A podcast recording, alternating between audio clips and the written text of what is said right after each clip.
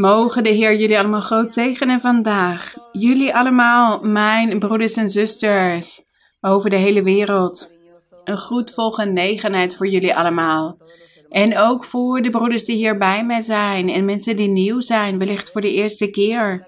Een groet voor jullie allemaal met veel genegenheid.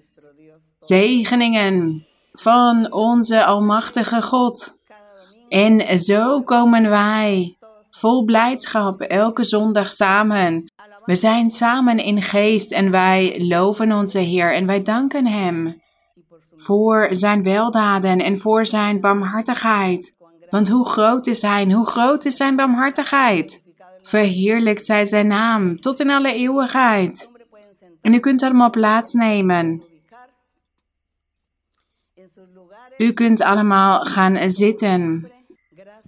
Wij danken onze God, want Hij heeft naar ons omgekeken met ogen vol genade. En Hij heeft ons hier naar Zijn weg gebracht. Hij heeft ons hier in Zijn aanwezigheid. God is geest. En in geest is Hij altijd het heelal aan het omringen. Hij kijkt naar zijn schepping. Hij houdt zijn schepselen in de gaten. De wezens die hij heeft geschapen. En hij kijkt wie hem erkent als God, als dat bovennatuurlijk wezen dat zegent. En door wie wij leven. Want Hij is de Almachtige. Wat verdrietig als wij mensen horen spreken. Sommigen die zeggen dat God niet bestaat. Maar wij geloven dat God bestaat, want Hij heeft zich geopenbaard aan ons leven. Hij heeft zoveel wonderen verricht. Zoveel tekenen en zoveel genezingen heeft Hij gedaan. Hij geeft vrede en geluk. Hij geeft alles aan de mens. Zonder Hem zijn wij niets. En ook al worden wij vergeleken met een bloem in het gras, zoals we in de Bijbel lezen. Een bloem die in de ochtend begint te bloeien en als de zon is opgegaan met haar hitte, dan valt de bloem af en verwelkt hij. Zo is de mens, dat is waar. Wij leven dankzij de barmhartigheid van God. En iedereen leeft zijn leven omdat God dit zo wil. Hij bepaalt wie leeft. En hij geeft ook vrede en geluk. En daarom voelen wij ons gelukkig en trots dat wij deze weg kennen, de weg van God. En ik nodig dus ook iedereen uit die wellicht voor de eerste keer naar ons luistert of kijkt. Degene die voor het eerst bij een onderricht van ons aanwezig zijn, ik nodig jullie uit om de Bijbel te lezen. Want de Bijbel is dat boek dat tot ons spreekt over God, dat God bestaat en hoe de wereld is geschapen, de wetten, de overheden. Alles is gebaseerd op wat we in de Bijbel vinden. Alles wat overheden doen in de wereld, de wetten, de grondwetten, dat is allemaal uit de Bijbel gehaald en dat is prachtig. En wij staan hier voor Hem. En Hij heerst over ons. De Heilige Geest heerst over ons. Hij onderwijst ons, Hij leidt ons. En Hij zegt ons hoe wij horen te leven. Om vrede en geluk van God te ontvangen en op een dag het eeuwige leven te mogen ontvangen. De glorie zij aan Hem.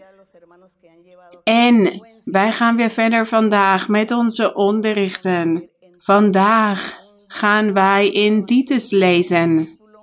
Een apostel, een leerling. Uit de tijd van de apostel Paulus. De tijd van de vroege kerk. Zo'n 2000 jaar geleden.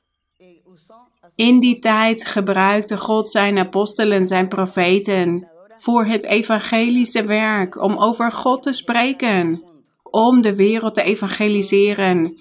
En vandaag is het onze beurt en daarom staan wij hier voor zijn aangezicht.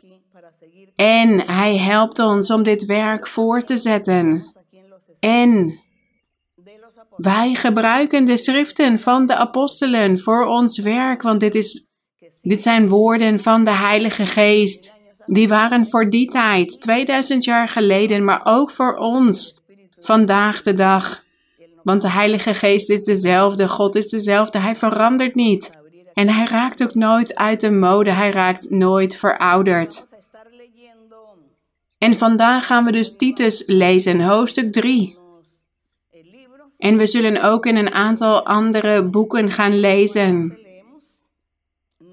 Om te bevestigen wat wij straks in Titus hoofdstuk 3 gaan lezen. Hier staat dat wij gerechtvaardigd zijn door Gods genade. De genade van God, dat is zijn liefde, zijn barmhartigheid, zijn vergeving, zijn welwillendheid. Dat hij altijd heeft gehad jegens de mens. Vooral degene die hem zoekt. En door zijn genade, die genade die hij ons heeft gegeven, zien wij zijn barmhartigheid. En dankzij die genade kunnen wij de verlossing ontvangen. Dat is voor niets. Wij hoeven de verlossing niet te kopen. Wij hoeven hier niet voor te betalen. Want we zijn gerechtvaardigd door zijn genade voor niets. En daar danken wij hem voor. En in Titus dus. Laten we eerst in hoofdstuk 1 een aantal groeten lezen. De brief van de apostel Paulus aan Titus, hoofdstuk 1, vers 1. Paulus, een dienstknecht van God en een apostel van Jezus Christus. Overeenkomstig het geloof van de uitverkorenen van God en de kennis van de waarheid, die in overeenstemming met de godsvrucht is. De godsvrucht, dat is onze Heer Jezus Christus zelf. Hij had die godsvrucht in hem. Hij was rechtvaardig geweest en hij heeft zich opgeofferd op het kruis. En dankzij zijn offer kunnen wij vandaag de dag ook deze zegening ontvangen. En daarom, wat hij heeft gedaan, was dat werk van die godsvrucht. Zijn verlossende werk. En in vers 2 staat: In de hoop op het eeuwige leven. Ja, God heeft in ons hart die hoop gezet op het eeuwige leven, dat we ooit het eeuwige leven zullen ontvangen, omdat we zijn weg volgen, zijn geloofsleer, omdat we de Bijbel lezen, omdat we tot Hem bidden en op Hem vertrouwen. Dat is die hoop die wij in ons hart hebben bewaard. Hier staat in de hoop op het eeuwige leven dat God, die niet liegen kan, voor de tijden der eeuwen beloofd heeft. Ja, dat is waar. Hij heeft de verlossing voor de grondlegging van de wereld beloofd. Hij beloofde dat hij de mensheid verlossing zou geven, zijn schepselen. Vers 3. En hij heeft op de door hem bestemde tijd zijn woord geopenbaard door de prediking die aan mij toevertrouwd is, overeenkomstig het bevel van God, onze zaligmaker aan Titus. Dus deze brief was gericht aan Titus. Mijn oprechte zoon, overeenkomstig het gemeenschappelijk geloof. Genade, barmhartigheid en vrede zij u van God de Vader en van de Heere Jezus Christus, onze zaligmaker. Dit waren de groeten van de apostel Paulus aan Titus, voordat hij hem raad zou geven. En in hoofdstuk 2, vers 1 zegt apostel Paulus tegen Titus: Maar u spreekt wat bij de gezonde leer past. Dat is wat Paulus tegen Titus zei: dat hij de gezonde leer moest onderwijzen. En in hoofdstuk 3 Nadat Titus allemaal raad had ontvangen van de apostel Paulus, zegt de apostel Paulus in hoofdstuk 3: Herinner hen eraan, dus alle gemeenten en alle gelovigen, dat zij de overheden en, machtig, en machten onderdanig behoren te zijn, Dat zij hun gehoorzaam zijn en dat zij tot elk goed werk bereid zijn. Wat een mooie raad. Hij onderwees gehoorzaamheid, onderdanigheid. Dat men zich met respect moest onderschikken aan de overheid, aan het gezag. Hier staat, herinner hen eraan dat zij de overheden onderdanig horen, behoren te zijn. Dus of die overheid nu goed of slecht is. We moeten de overheid gehoorzaam zijn. Als het om een goede overheid gaat, zal God voorspoed geven. En als een overheid, een regering slecht is, dan zal God ook straffen. Dan zal Hij ook zijn hand laten zien en straffen. Dus wij gaan de overheden niet bekritiseren of veroordelen. Wij gaan gewoon onderdanig zijn, gehoorzaam. En ja, natuurlijk bidden wij wel tot God en wij vragen God om ons te helpen. En wij bidden ook voor de overheden, de regeringen. Al die mensen die God niet kennen. Sommigen kennen God wellicht wel, anderen niet. Maar wij behoren dus, wij horen te bidden in plaats van te bekritiseren of te veroordelen of te spreken over wat wij niet weten. We moeten respect hebben voor het gezag, voor anderen. En zo zegent God ons als wij op die manier handelen. Dan geeft Hij ons voorspoed in ons geestelijk leven. Als wij God gehoorzaam zijn dan beloont Hij ons en zegent Hij ons en is Hij altijd bij ons en staat Hij ons in alles bij. En Hij bewaart ons en Hij beschermt ons op onze weg. In moeilijke tijden en op moeilijke momenten, dan is God bij ons. En daarom moeten wij kinderen van God zijn. Volgelingen van de Heer. En gehoorzaam aan zijn woord. En in vers 2 zegt apostel Paulus dat zij niemand belasteren. Dus de gelovigen, degenen die het woord van de Heer hebben leren kennen, dat zij niemand belasteren. Niet strijdlustig zijn, maar welwillend en alle zachtmoedigheid bewijzen aan alle mensen. Kijk, die vereisten deze morele regels, deze waarden, normen, God onderwijst ons dit. Hij had het apostel Paulus onderwezen toen hij hem de geloofsleer openbaarde. En God heeft toegestaan dat dit allemaal opgeschreven is gebleven. En vandaag de dag maken wij dezelfde ervaringen met de Heilige Geest, die in ons midden is en ons dromen geeft en profetieën en openbaringen door middel van verschillende geestelijke gaven die hij ons heeft gegeven, onderwijst hij zijn geloofsleer. En hij onderwijst ons dezelfde dingen als wat hij mensen vroeger onderwees. De ouderlingen. 2000 jaar geleden, 3000, 4000 jaar geleden. God onderwijst dezelfde dingen. Elke keer dat u profetie ontvangt, Geef de Heilige Geest u raad. En zegt Hij tegen u dat u een oprecht leven moet leiden, dat u geduldig moet zijn, dat u tot God moet bidden, dat u uw problemen aan God moet overlaten en dat God u de overwinning zal geven.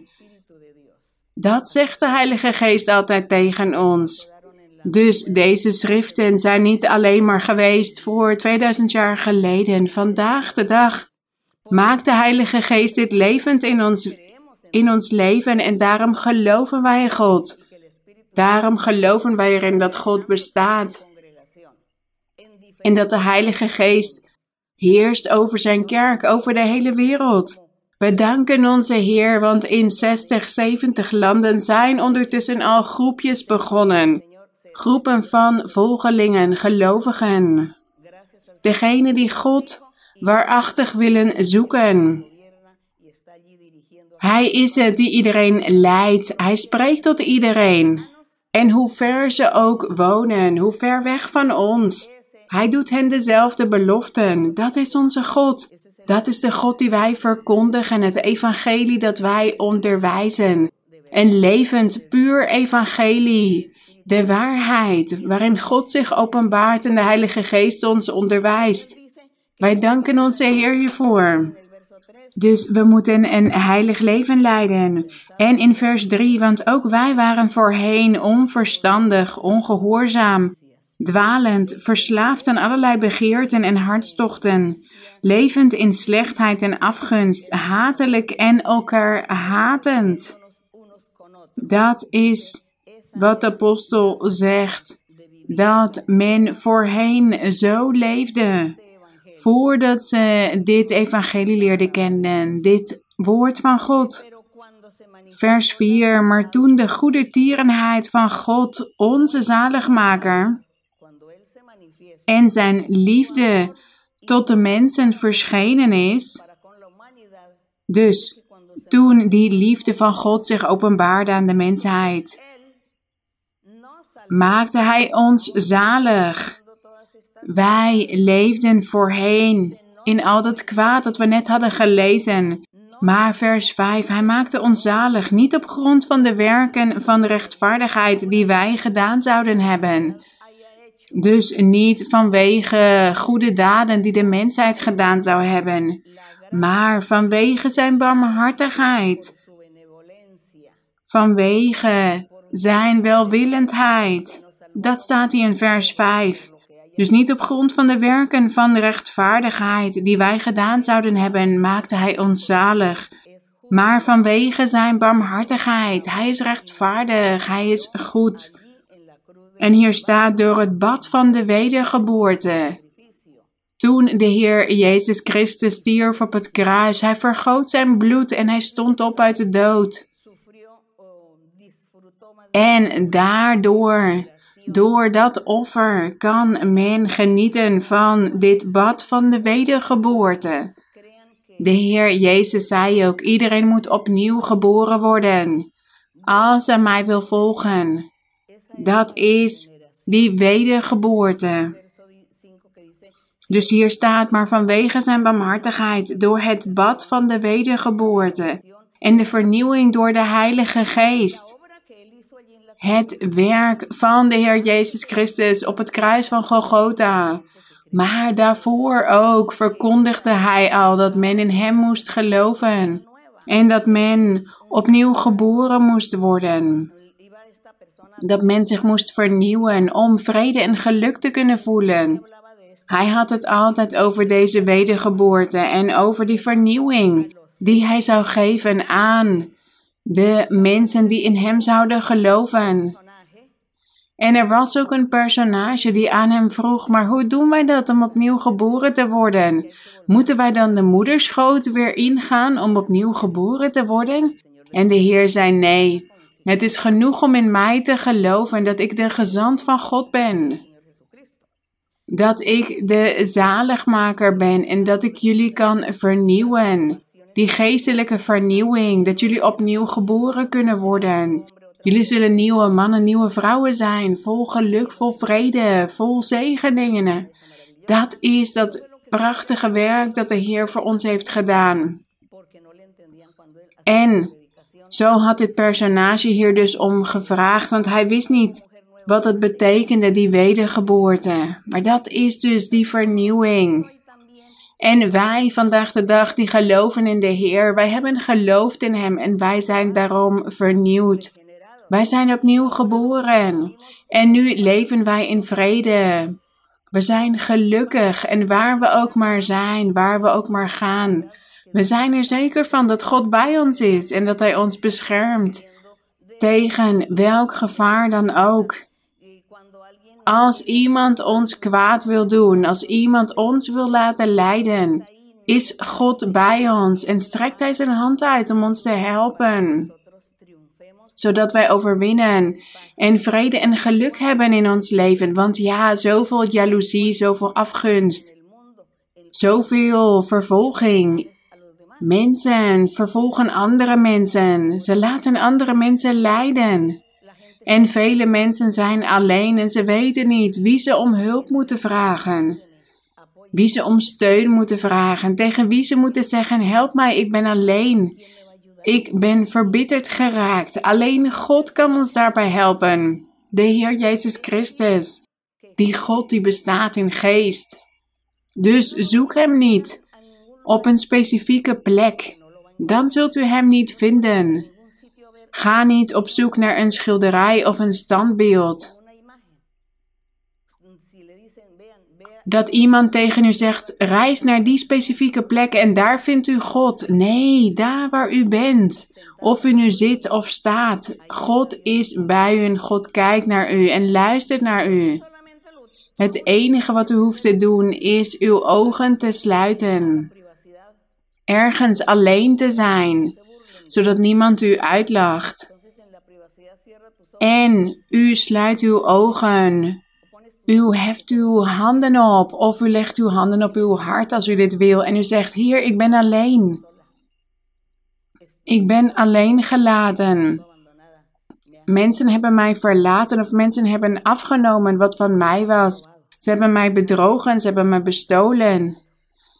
Ik heb niemand die mij helpt. En ik weet dat u bestaat. Help mij dan. Help mij. Want ik kan het niet alleen. En help mij om de juiste weg te vinden. Die weg die ik moet belopen in mijn leven. Om ooit bij u te mogen zijn in de eeuwigheid. Dat is wat we moeten doen. Dat is zo'n eenvoudig gebed. Het enige wat u moet doen is uw klacht aan God vertellen, uw verdriet, uw pijn. Vertel het aan God met heel uw hart en God zal u helpen. Dat is het. Want dat is die genade van God. Daarom lezen wij dat wij zijn gerechtvaardigd door zijn genade. En dat wij gered worden door zijn genade. En in vers 6 staat: Die heeft hij in rijke mate over ons uitgegoten door Jezus Christus, onze zaligmaker. Opdat wij gerechtvaardigd door zijn genade erfgenamen zouden worden. Overeenkomstig de hoop van het eeuwige leven, de glorie aan de Heer. Gezegend zij de naam van onze Heer. Hier staat dat wij gerechtvaardigd zijn door Zijn genade. Wat de Heer doet, geeft Hij voor niets. Hij is liefde, Hij is geduld, Hij is welwillendheid. En als wij Hem zoeken, als wij tot Hem roepen, dan zal Hij naar ons luisteren. Als Hij ziet dat ons hart oprecht is jegens Hem, dan neemt Hij verdriet weg, bezorgdheid. We moeten in Hem geloven, Hem zoeken. Tot Hem bidden, Hem loven, elke dag van ons leven, waar we ook maar zijn. Altijd God bedanken. En wellicht zit u in een vliegtuig en dan zegt u in uw gedachten: Heer, u hebt die wetenschap aan de mens gegeven, die kennis, zodat zij dit vliegtuig konden uitvinden. Ik vlieg hier door de wolken. Wat een wonder, dit is uw wonder. Dit is uw intelligentie. U hebt intelligentie gegeven aan de mensheid om dit te ontdekken, om dit te maken. Dit is het werk van uw handen. Of u gaat naar het strand en u kijkt naar de natuur. En alles wat u om u heen ziet en u begint het te bewonderen en u zegt, Heer, dit is dit is wonderbaarlijk. Of zie die grote schepen. Die grote schepen die op het water kunnen varen. En die capaciteiten die we aan mensen hebt gegeven om dit te ontdekken, om dit soort dingen te bouwen. En dat het water het gewicht van zo'n boot kan dragen. Het is een wonder. Het is uw wijsheid, uw inzicht, want alles is van u, alles wat ik zie, is het werk van uw handen. Als u dit op deze manier doet, als u geniet van het leven, als u geniet van deze dingen, niet van slechte dingen, niet van zondige dingen, maar als u geniet van iets waar u van houdt, dan zegt u ja. Heer, ik voel mij gelukkig, want u hebt dit bedacht of u hebt dit gemaakt en ik geniet hier nu van. Dit is het werk van uw handen. Zonder u zou dit niet bestaan of zou dit niet mogelijk zijn of zou ik dit niet kunnen doen. Zonder God zou niemand naar de maan kunnen reizen of al die dingen bedenken met satellieten en al die dingen. Zonder God was dit nooit gebeurd. Zonder God zouden wij ook nooit deze technologie hebben gehad vandaag de dag. Dat we met elkaar verbonden zijn dankzij het internet. Zonder God was dit allemaal niet mogelijk geweest. Wij danken God, want Hij is de eigenaar van alles. En Hij is het die intelligentie en wijsheid geeft aan mensen, zodat wij hiervan kunnen genieten. Maar Hij wil dat wij van Hem houden en dat wij Hem erkennen. En dat wij erkennen dat God het is die al deze dingen doet. En Hij heeft het hier dus over Zijn genade, de genade van God. En laten we daar meer over lezen in Matthäus, het Evangelie, volgens Matthäus, hoofdstuk 10.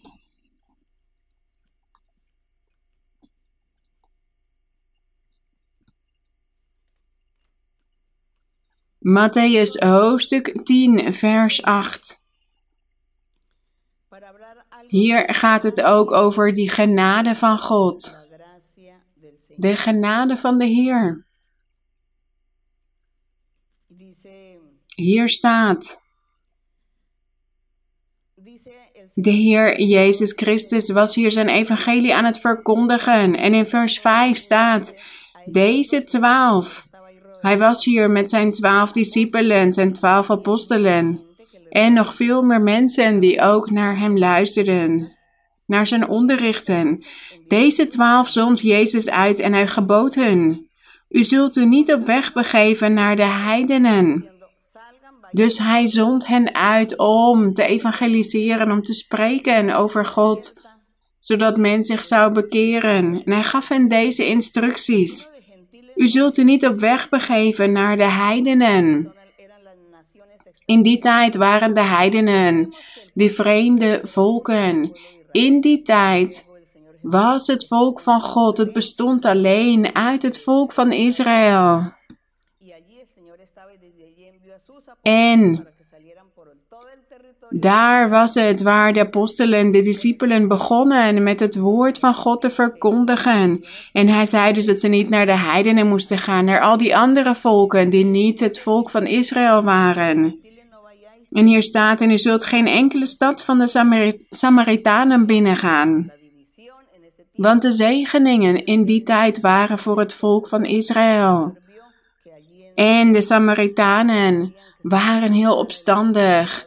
En God zag dat ze het niet verdienden om het evangelie te horen. Dus hij zei: Op dit moment verkondig het evangelie aan degenen die in Juda wonen. De Heer kent geen aanzien des persoons, of we zeggen ook niet dat God oneerlijk was in die tijd. Hij had gewoon één volk uitgekozen en voor hen was die belofte geweest bij monden van de profeten dat de Heer tot hen eerst het evangelie zou verkondigen. Maar omdat ze hier niet in hebben geloofd, omdat ze niet in de Heer hebben geloofd, heeft de Heer daarna zijn apostelen opgedragen om over de hele wereld zijn evangelie te verkondigen. Want de Heer Jezus was gezonden naar het volk van Israël, maar omdat ze niet in Hem hadden geloofd, zouden de apostelen later over de hele wereld gaan. Over de hele wereld gezonden worden. En daar danken wij onze God voor, want daar genieten wij vandaag de dag van. Maar goed, in die tijd was het dus zo dat ze niet naar de heidenen moesten gaan of de Samaritanen. Vers 6, maar ga liever of ga eerst naar de verloren schapen van het huis van Israël. En als u op weg gaat, predik dan. Dus dit zei hij tegen de apostelen. Predik dan, het koninkrijk der hemelen is nabijgekomen. Vers 8, genees zieken, reinig melaatsen. Wek doden op, drijf demonen uit. U hebt het voor niets ontvangen. Ja, zij hadden hier niets voor hoeven te betalen. Ze hadden de geestelijke gave van God ontvangen door zijn genade, door zijn barmhartigheid, door zijn liefde. Hij had hen deze krachten gegeven en deze machten. En daarom zei hij tegen hen: Doe deze wonderen. Genees zieken, reinig melaatsen, wek doden op en drijf demonen uit.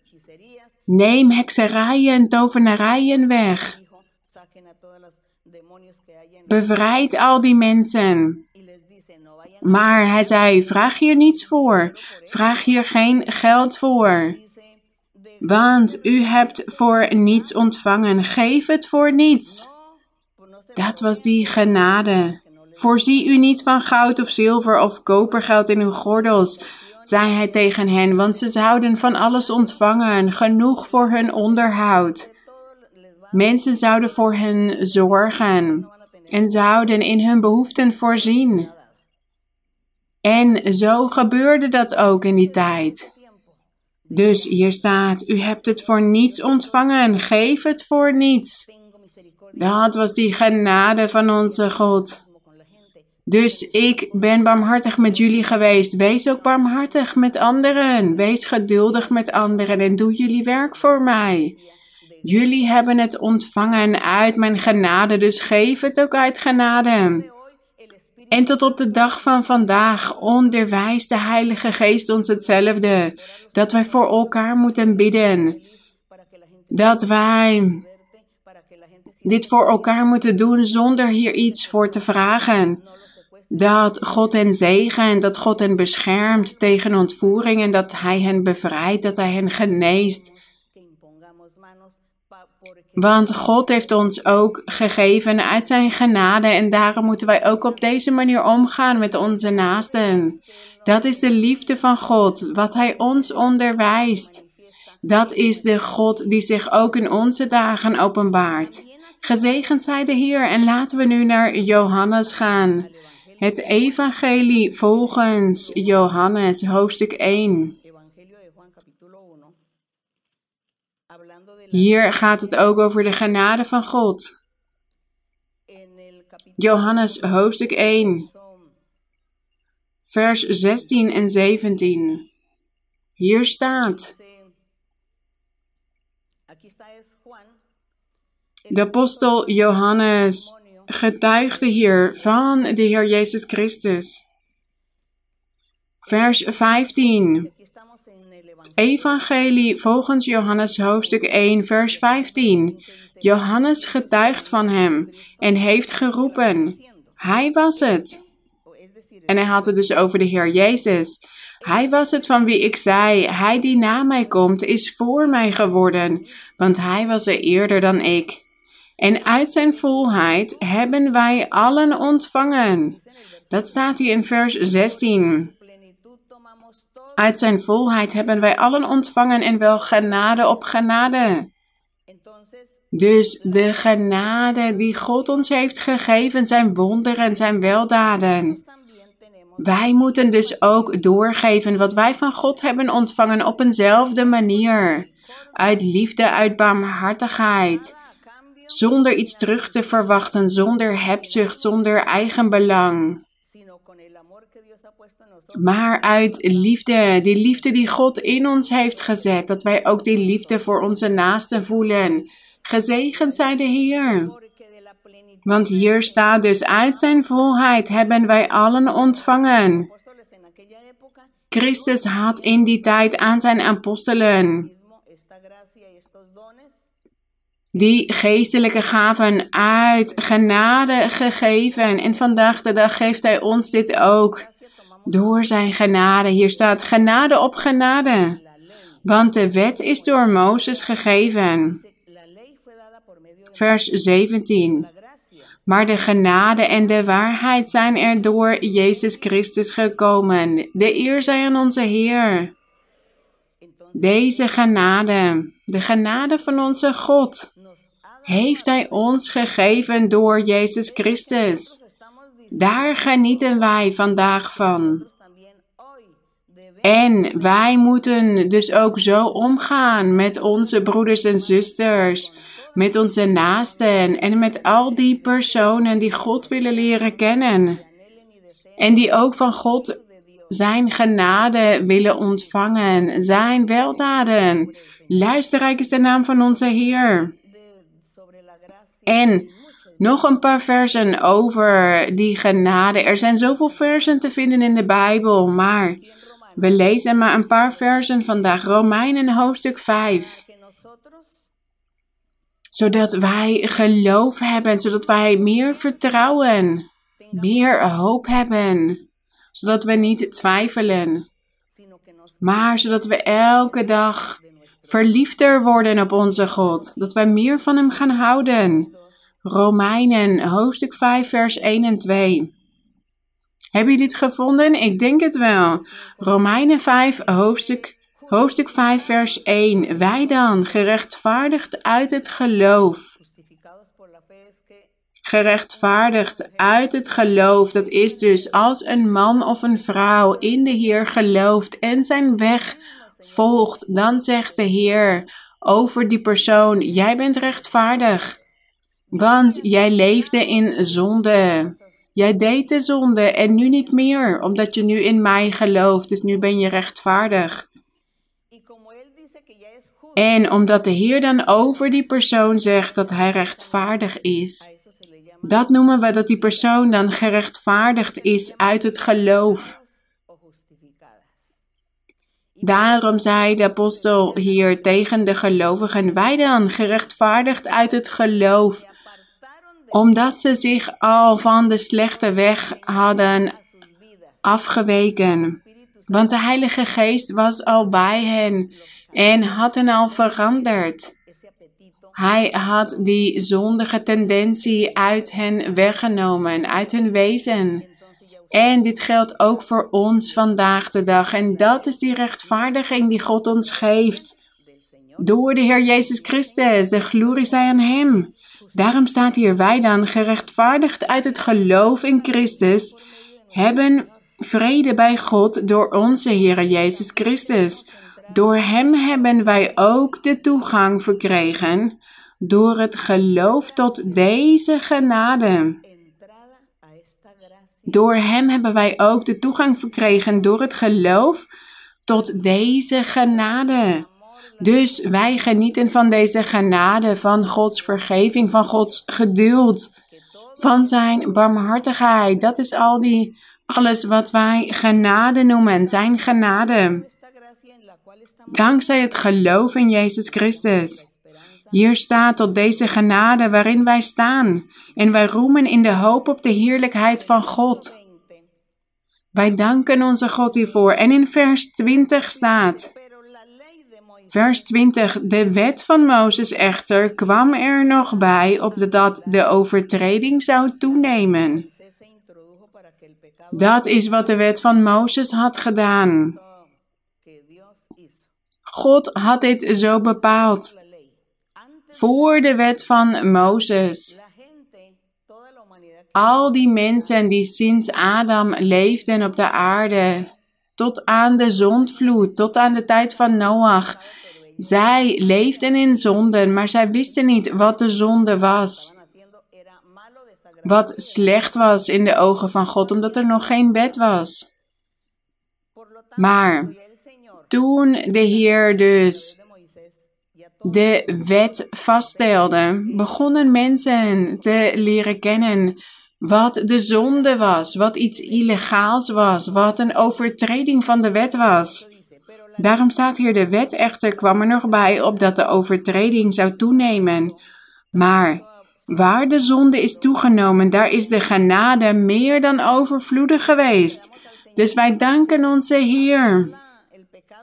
Hoewel de zonde was toegenomen, was zijn genade meer dan overvloedig geweest. Zijn liefde, zijn goedheid, zijn geduld jegens de mens was meer dan overvloedig geweest, want hij zag dat iedereen in zonde leefde en dat iedereen naar de verdoemenis zou gaan. Maar omdat hij zo barmhartig was en zo vol liefde voor de mensheid, zei hij: Ik ga hen nog kansen geven, zodat ze zich bekeren. We danken onze God hiervoor. Vers 21: Opdat, evenals de zonde geregeerd heeft tot de dood, zo ook de genade zou regeren door gerechtigheid tot het eeuwige leven. Dus dat, dus dat de genade zou regeren, de genade van God, door gerechtigheid tot het eeuwige leven, door Jezus Christus onze Heer. Wij danken onze God voor deze wonderen. Hoe prachtig is onze God. Die barmhartigheid van onze God. Zijn genade, dit is onvergelijkbaar. We kunnen dit niet meten. De genade van God. Maar wij worden hier wel door bedekt. En hier staan wij voor zijn aangezicht, in zijn aanwezigheid. En wij bidden tot hem en wij vragen hem ons te helpen.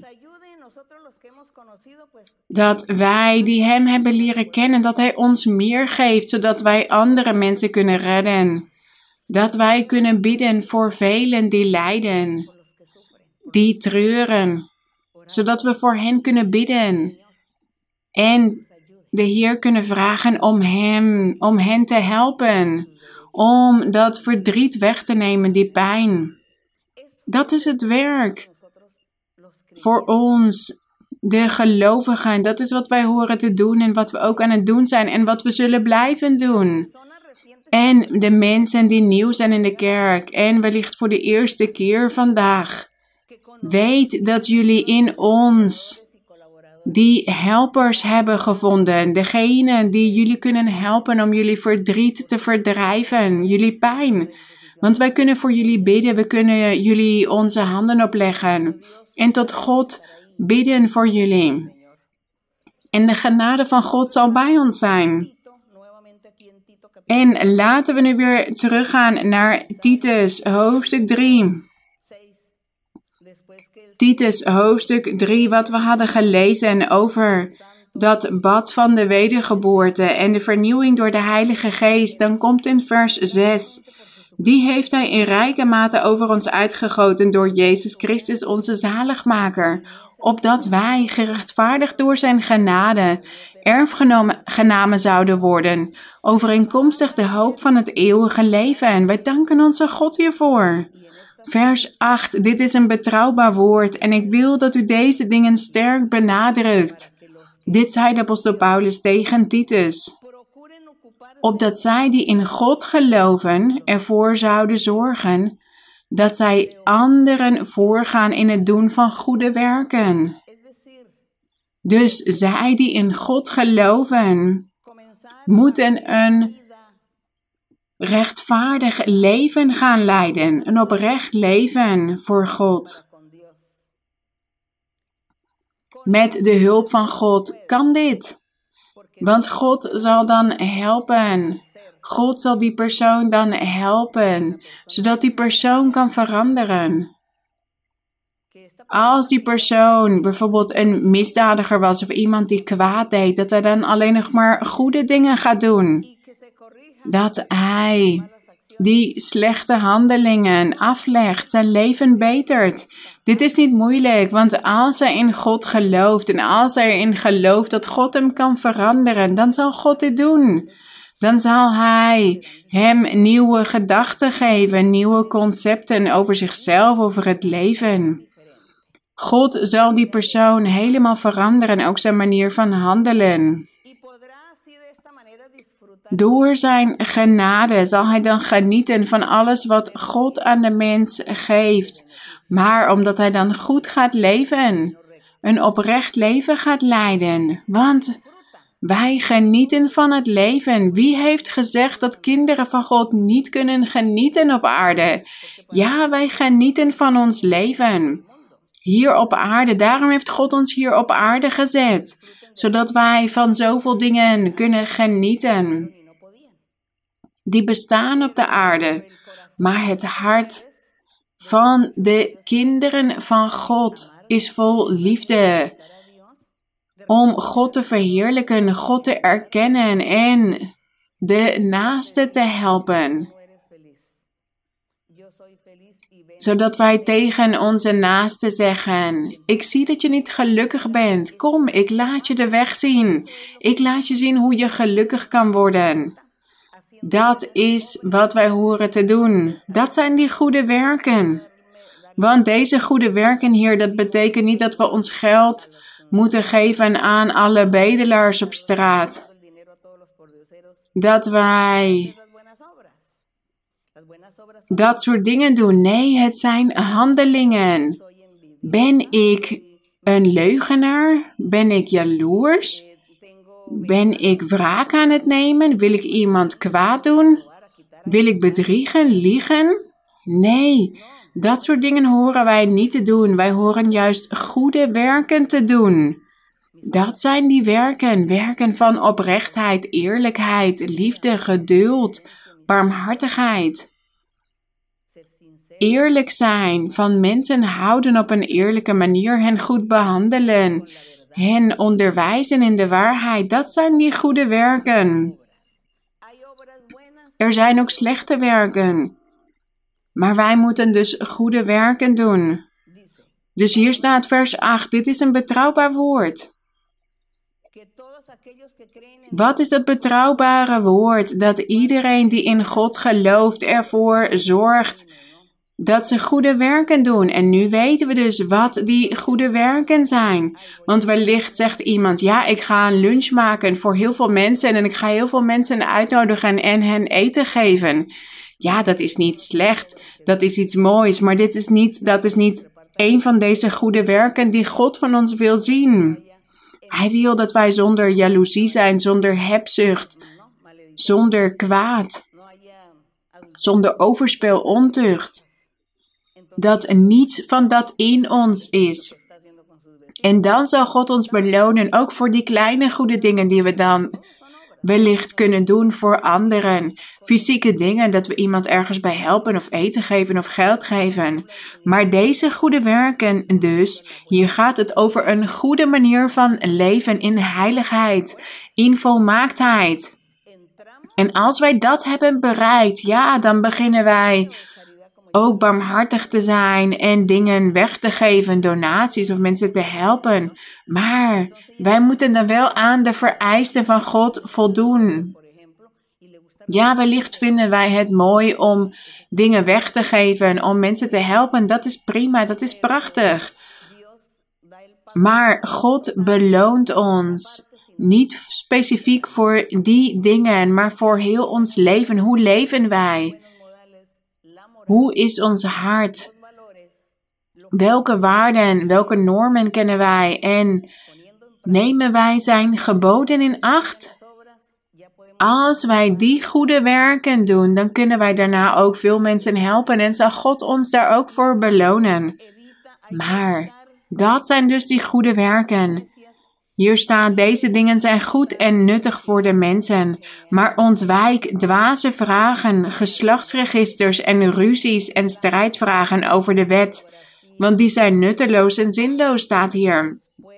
Dus dat wij de Bijbel gaan onderzoeken, de geschiedenis, en dat we zeggen: welke koning was nu eerder? Was deze nu eerder of de andere? En de schoonvader van Mozes, heette hij nou zo of heette hij nou zo? Omdat het misschien verschillend geschreven staat. En dat we dus naar die genealogieën kijken, naar die stambomen. Dat zijn die geslachtsregisters. Dat heeft geen nut voor ons geestelijk leven. Ja, wellicht is dat informatie. Wellicht houdt u ervan de geschiedenis goed te kennen, maar in ons geestelijk leven verandert dit ons niet. Het geeft ons geen vrede, geen geluk. Wat geeft ons vrede en geluk? Dat wij in God geloven, in de levende God in geest en dat wij goede werken doen. En in die tijd waren ook heel veel filosofische scholen, die stromingen en velen dwaalden daarom. En ja, ze wilden alles onderzoeken en is dit wel waar en klopt dit wel en hier staat iets verkeerds geschreven. Of waarom staat het hier zo en daar zo? Goed, Al die dingen zijn nutteloos en zinloos, staat hier. Wij hebben de geestelijke gave vandaag de dag, de Heilige Geest in ons midden, die ons onderwijst. En als wij dus tot God loven in onze eigen taal, dan laat Hij ons ineens spreken in geestelijke talen. Wie kan dit doen? Dit kunnen wij niet zelf doen. Dit is de Heilige Geest die dit alleen kan doen, die mij in geestelijke hemelse talen laat spreken. En daarom geloof ik in dat bovennatuurlijk wezen die zich openbaart in mijn leven.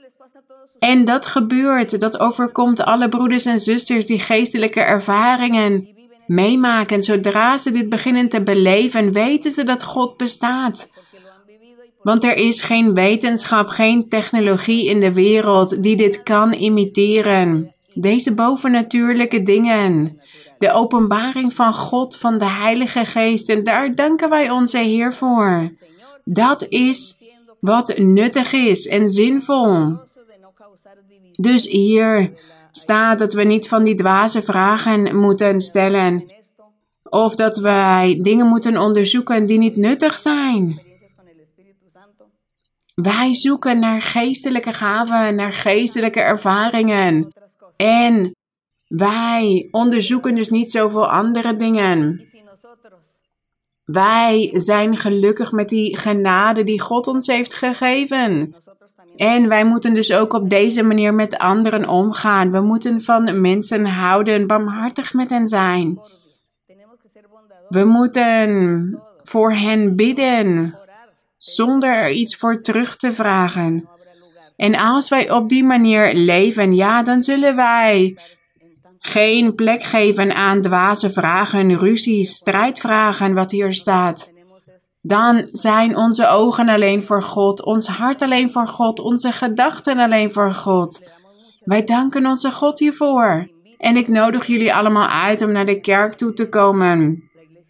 Ik weet niet of jullie hier het bord kunnen zien. De Kerk van God Ministerieel van Jezus Christus Internationaal. Ik nodig jullie uit om de kerk te bezoeken.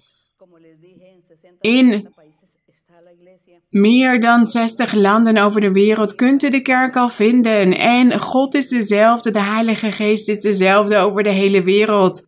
Het is de Almachtige God, de eigenaar van het heelal. De glorie en de eer zij aan Hem. Laten we gaan bidden. Gezegende God, Almachtige, Vader van onze Heer Jezus Christus, wij loven U, wij prijzen U.